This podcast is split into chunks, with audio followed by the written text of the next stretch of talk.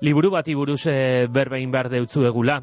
Euskal, Kataluniar eta Eskoziar mugimendu independentistak aztertzen dauzen liburua aurkeztu dabelako, orain dela egun batzuk, amabi egilek sortu dabe, aitatutako liburua, independentzia mugimendu horren susterrei begiratzen deutzie, baita etorkizunari be e, zelako geroa e, eukileiken mugimendu horrek be hori aztertzen dabe aitatutako liburu horretan. Ameriketako estatu batuetako Nevadako unibertsitateak bultzatutako ekimena da eta izen ezagun ugari topagoen kez amabi egile horren artean. Guk gaur liburu horri buruz berbagiteko konbidau bi daukaguz, amentxe bilon estudioetan, Carmelo Landa, gure kolaboratzailea eta tertuliak idea be badaukagu, liburu honen atzean auspoari eragiten, Carmelo egunon. Egunon bai. Eta eskerrik asko gurera etortearren. Eta momentu honetan San Franciscon e, gaueko amaikaterdiak dira Kalifornian eta Kalifornian San Franciscon daukagu Xavier Irujo, historialaria, gugaz e, bate iteko moduan dagoela uste dugu. Xavier Irujo, Gabon. Ia orain guan e, Xavierrek entzuten gaitun. Xavier, Gabon. Bueno, ba, e, emoten dau ez daukagula Xabirregaz e, konexio hori modu honean e, bermatzerik. Carmelo, zugaz hasiko gara berbaz eta konexio hori hobetuten aleginduko gara. E, iru mogimendu aitatzen gabiz, e, Euskal, Kataluniar eta Eskoziar mogimendu independentistak, iraganera joan da, susterretara joan da, e, ze alde egongo litzateke, astapenei buruz, eragilei buruz, eta datei buruz berbagiten azten bagara. Ba, egie esateko, e, liburu honek oso sakon batzen ditu irun mugimendua da beste batzuk ere bai, Quebec eta Groenlandia adibidez, edo eta Flandriaren kasua ere bai, eta esan daiteke hiru aipatu dituzun hiru hoien artean hain zuzen ere Eskozia, Katalunia eta Euskal Herria parekotasun handia daudela. Eta desberdintasun batzuk ere bai. Bueno, Eskoziak 2008an irailean lortu zuen e, lehen erreferendum bat egitea. Orduan Cameron zegoen Britania hondiko gobernuan, eta onartu zuen Eskozia aspaldi ari zen independentzia erreferendum bat e, eskatzen da azkenean, ba, lortu zuen konbentzitzea eta deitu zen referenduma. Ez da 2008an. Hori izan da behar bada diferentziarik handiena orain arte hau da Eskozia nazioak baina estatu oraindik ere estenak iraganean izan zen, hori kontutan hartu behar da, ba, lortu zuen erreferenduna eta ez zuen independentziak irabazi boto gutxigatik. Hm? Beraz, orain, ari dira, hain justu, bigarren erreferendum bat aldarrikatzen eta irabastikotan, ezta? Eta Kataluniaren kasuan, mm, bueno, ezagunagoa da, zergatik, ba, katalanek lehenengo lortu zutelako e, referenduna egitea de facto, baina Estatu Espainiarrak baimenik eman gabe, eta gainera Estatu Espainiarrak kontrako jarrera e, bortitza hartuta. E, egun da berroeta mabos garren artikulu famatu aplikatuz, bertako autonomia ere bertan bera utzi, eta gainera polizia ugari bidaliz, trabatu nahian. Baina Kataluniak egin zuen, egin zuen referenduna eta bi milioitik gora botu independentziaren alde. Lortu zuen nik esango nuke, ba, nola baite egitaldi epikoa izan zela Kataluniako herriaren aldetik. Benetan epikoa da, baldintza haietan lortzea. Baina gero ez dute gauzatu independentzia. Hori da egoera. De Euskal Herriaren kasuan ere, e, tamales gertatzen zaiguna da estatu bera daukagula gainean Katalunian de Euskal Herrian, ego Euskal Herrian da ego Katalunian, estatu Espainiarra da era bat intolerantea izan da historian zehar da gaur egun ere oso itxia da. E, Eskoziar batek esaten zigun garai batean esaten zuen. Ba begira, e, zuen da gure artean dagoen diferentzia da guk badaukagu referenduna eta ez daukagu botu nahikorik. Zuek aldiz badu zue botua, botu herritarra independentzia lortzeko, baina ez dizuete independentzia eh, referendum bat onartzen, ez hori da diferentzia. Baina iruretan, kasu hoietan, iru nazio hoien kasuan, nik uste dut, historiara begiratuz, antzekotasuna handia daude, eh? nazioak izan ziren e, egitura politiko-administratiboa ere izan zutenak, Euskal Herriaren kasuan, ba, Nafar erresuma, denpora luzez, erresuma bi, eh, berezi eta independente bezala, Euskara bera nagusi izan zen, eta hor, markatuko du gainera ezaugarri bat oso, markatu beharrekoa, Kataluniaren kasuan, bardin, e, amazortzigarren mendean, etorri zen zentralizazio prozesu ikaragarria, ez da, dekretos de nueva planta haien bitartez, eta hor represio izugarri bat egin zuten Katalunian, diada egunean e, gogoratzen dute hori, irailean, dakizuenez, eta e, gerostik, ba, noski, erasotua izan da, Katalunia, Katalana, eta, eta autodeterminazio prozesurik ez da onartu, ez da, eta Eskoziaren kasuan, ba, esan bezala, ba, zeukaten erresuma propio bat, eta nolabaiteko mm, eh, konponketa egin zuten e, britanikoekin, britaniarrekin, baina orain eskatzen dutena da, ba, e, devoluzionak tau da itzuli e, buru eta Eskoziak estatu propia antela, antolatzea. Nik uste dut hori azpimarratu behar dela iruren kasuan. Iraganetik eh, gaur egunera etorriko gara, orain aldiari oratuko dautzagu, anorremenka, independentziaren eh, inguruan berbaz e, dabil salako, deusto barometroak datuak atera ebasan orain dela egun batzuk, hauteskunde batzuk etorriko dira Euskal Autonomia erkidegora laster, eta eta Eskozian eta eta Katalunian gai honi lotutakoak be badira, bat baino gehiago. gaur egun, iru mugimendu independentista honek, Carmelo, zelan dago esango zeunke. Claro, segun eta ze ikuspegi hartzen duzu modu batera edo bestera ikusten dira, ezta? Horregatik uste honik horren garrantzitsua dela liburu hau. Zergatik, ba hemen adituek, bai historian da bai zientzia politikoetan adituek lantzen dute gaia. Orduan, hemen ez dago irakurketa partzialik, ez dago interes, parteko interesik. Eh? Ikuspegi, esango nuke, zientifiko zehatza dago. Eta hor ikusten da, dela. Eh, nazio hauetan, independentziaren aldeko mugimendua oso biziri dagola, eta seguruenik gauzatuko dela gainera. Begira, Eskoziar aditu batek eta politikaria ere badenak esaten zuen duela urte gutxi, eta hemen liburuan batuta dago, Nik uste dut, komentzituri nago, gauzak ikusita nola doazen, da nola izan diren, da nola izango diren, bai Eskoziak, bai Katalunia, bai Euskal Herriak, errepublika independenteak izango direla etorkizunean. Hori esaten zuen, orduan, klaro, hau aztertzen badugu, ikusi dugu iraganean, irurak e, estatus hori euki dutela. Irurak euki dutela mm, independentzia gradu importante bat, eta euren autonomia, e, propioa, euren foru propioak, euren konstituzio propioak esango nuke, ezta?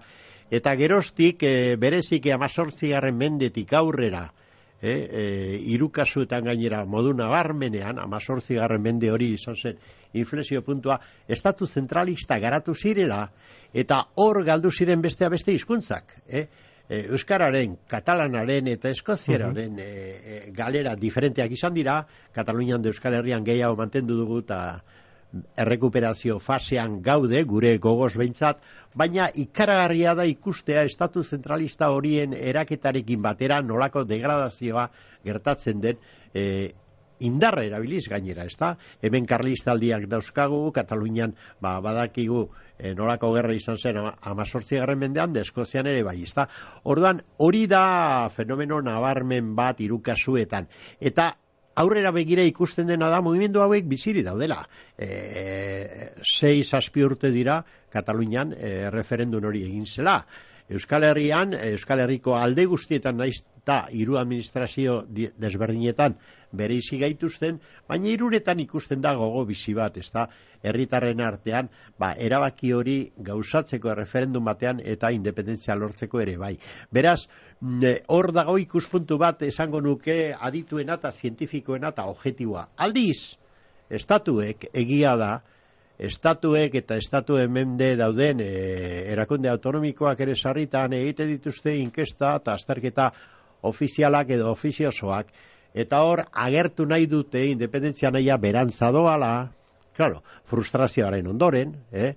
berantza doala, eta esaten dute, bueno, batzutan e, publikoki ere esan dute independentzia gauza sarkitu dela, emeretzi garren mendekoa, eta barberaz, horretik diotzut ikuspuntua uh importantea da. E, lastar jarraituko dugu zugaz berbaz, baina lortu dugu behintzat, e, Xabier Irujo gaz, esnatuta San Francisco gure irratza joan zuten da bilena, baina antza komunikazio horik e, lortu esinik abizan honetan, behintzat lortu duguna da, beran ahotzen mesua, eta ontsa egin dutzuan galdereari, Xabierrek, hause, erantzuten dutzo. Kaixo lagunak, ba, zaila da esatea movimendu independentisten egoera zein den erreferendum bat egin gabe. E, ideia eta hipotesi ezberdinak daude, baina nik uste e, irurak indartsu daudela. E, neurri batean, bakoitzak bere krisiekin eta irurak indartsu daudela, eta be, egoera ezberdinetan. Hain zuzen ere, azken urte hauetan gertatutakoa hasi zen hemen Euskal Herrian, ba, Ibarretxe lendakariaren urteetan, eta horri begira gertatu zen 2006an estatutuaren aldaketa Katalunian. Geroztik, e, hortik aurrera, bai, e, Eskoziako erreferenduna 2008an, eta gerora, bai, e, 2008an Kataluniako erreferenduna. Orduan, e, Euskal Herriko egoera izan da erreferentea, zuzen e, Katalunian eta Eskozian gertatu zenerako. Eta hemen e, independentziaren aldeko bultza mm, nahiko sendoa da, egonkorra. Agian e, Katalunian baino egonkorragoa. Eskozian egonkortu egin da, eguneko berrogeita marrean, inguru horretan, eta gerora begira, gaur egun, adibidez, e, oso indartsua da, hain indartsua, ba, Londrestik ez dutela nahi e, bigarren referendum bat e, onartu. Noski, e, pentsatzen dutelakoz, Eskozian baietzak e, irabaziko duela. Hortaz, nik esango nuke, irutokietan, e, baldin eta referendum bat utziko bazan, e, indartxo daudela mugimendu independentistak eta e, bai eskuaren aldeko e, erreferendu bat e, bultzatzeko moduan. Nebadako Unibertsitateko irakaslea, historialaria, entzule askoren ezaguna izango da Xavier Irujo, eta Center for Basque Studies izeneko ikerketa taldeko buruetariko bat, eta talde horrek bultzatuta e, sortu da, Carmelo Kamentxe eskuartean daukan liburu mardul hori. E, etorkizun urbilari buruz begin deusku berba Xavier Irujo, Carmelo, e, mugimendu independentisten geroa zelan ikusten duzu? Zeintzuk erronka nagusi daukaz?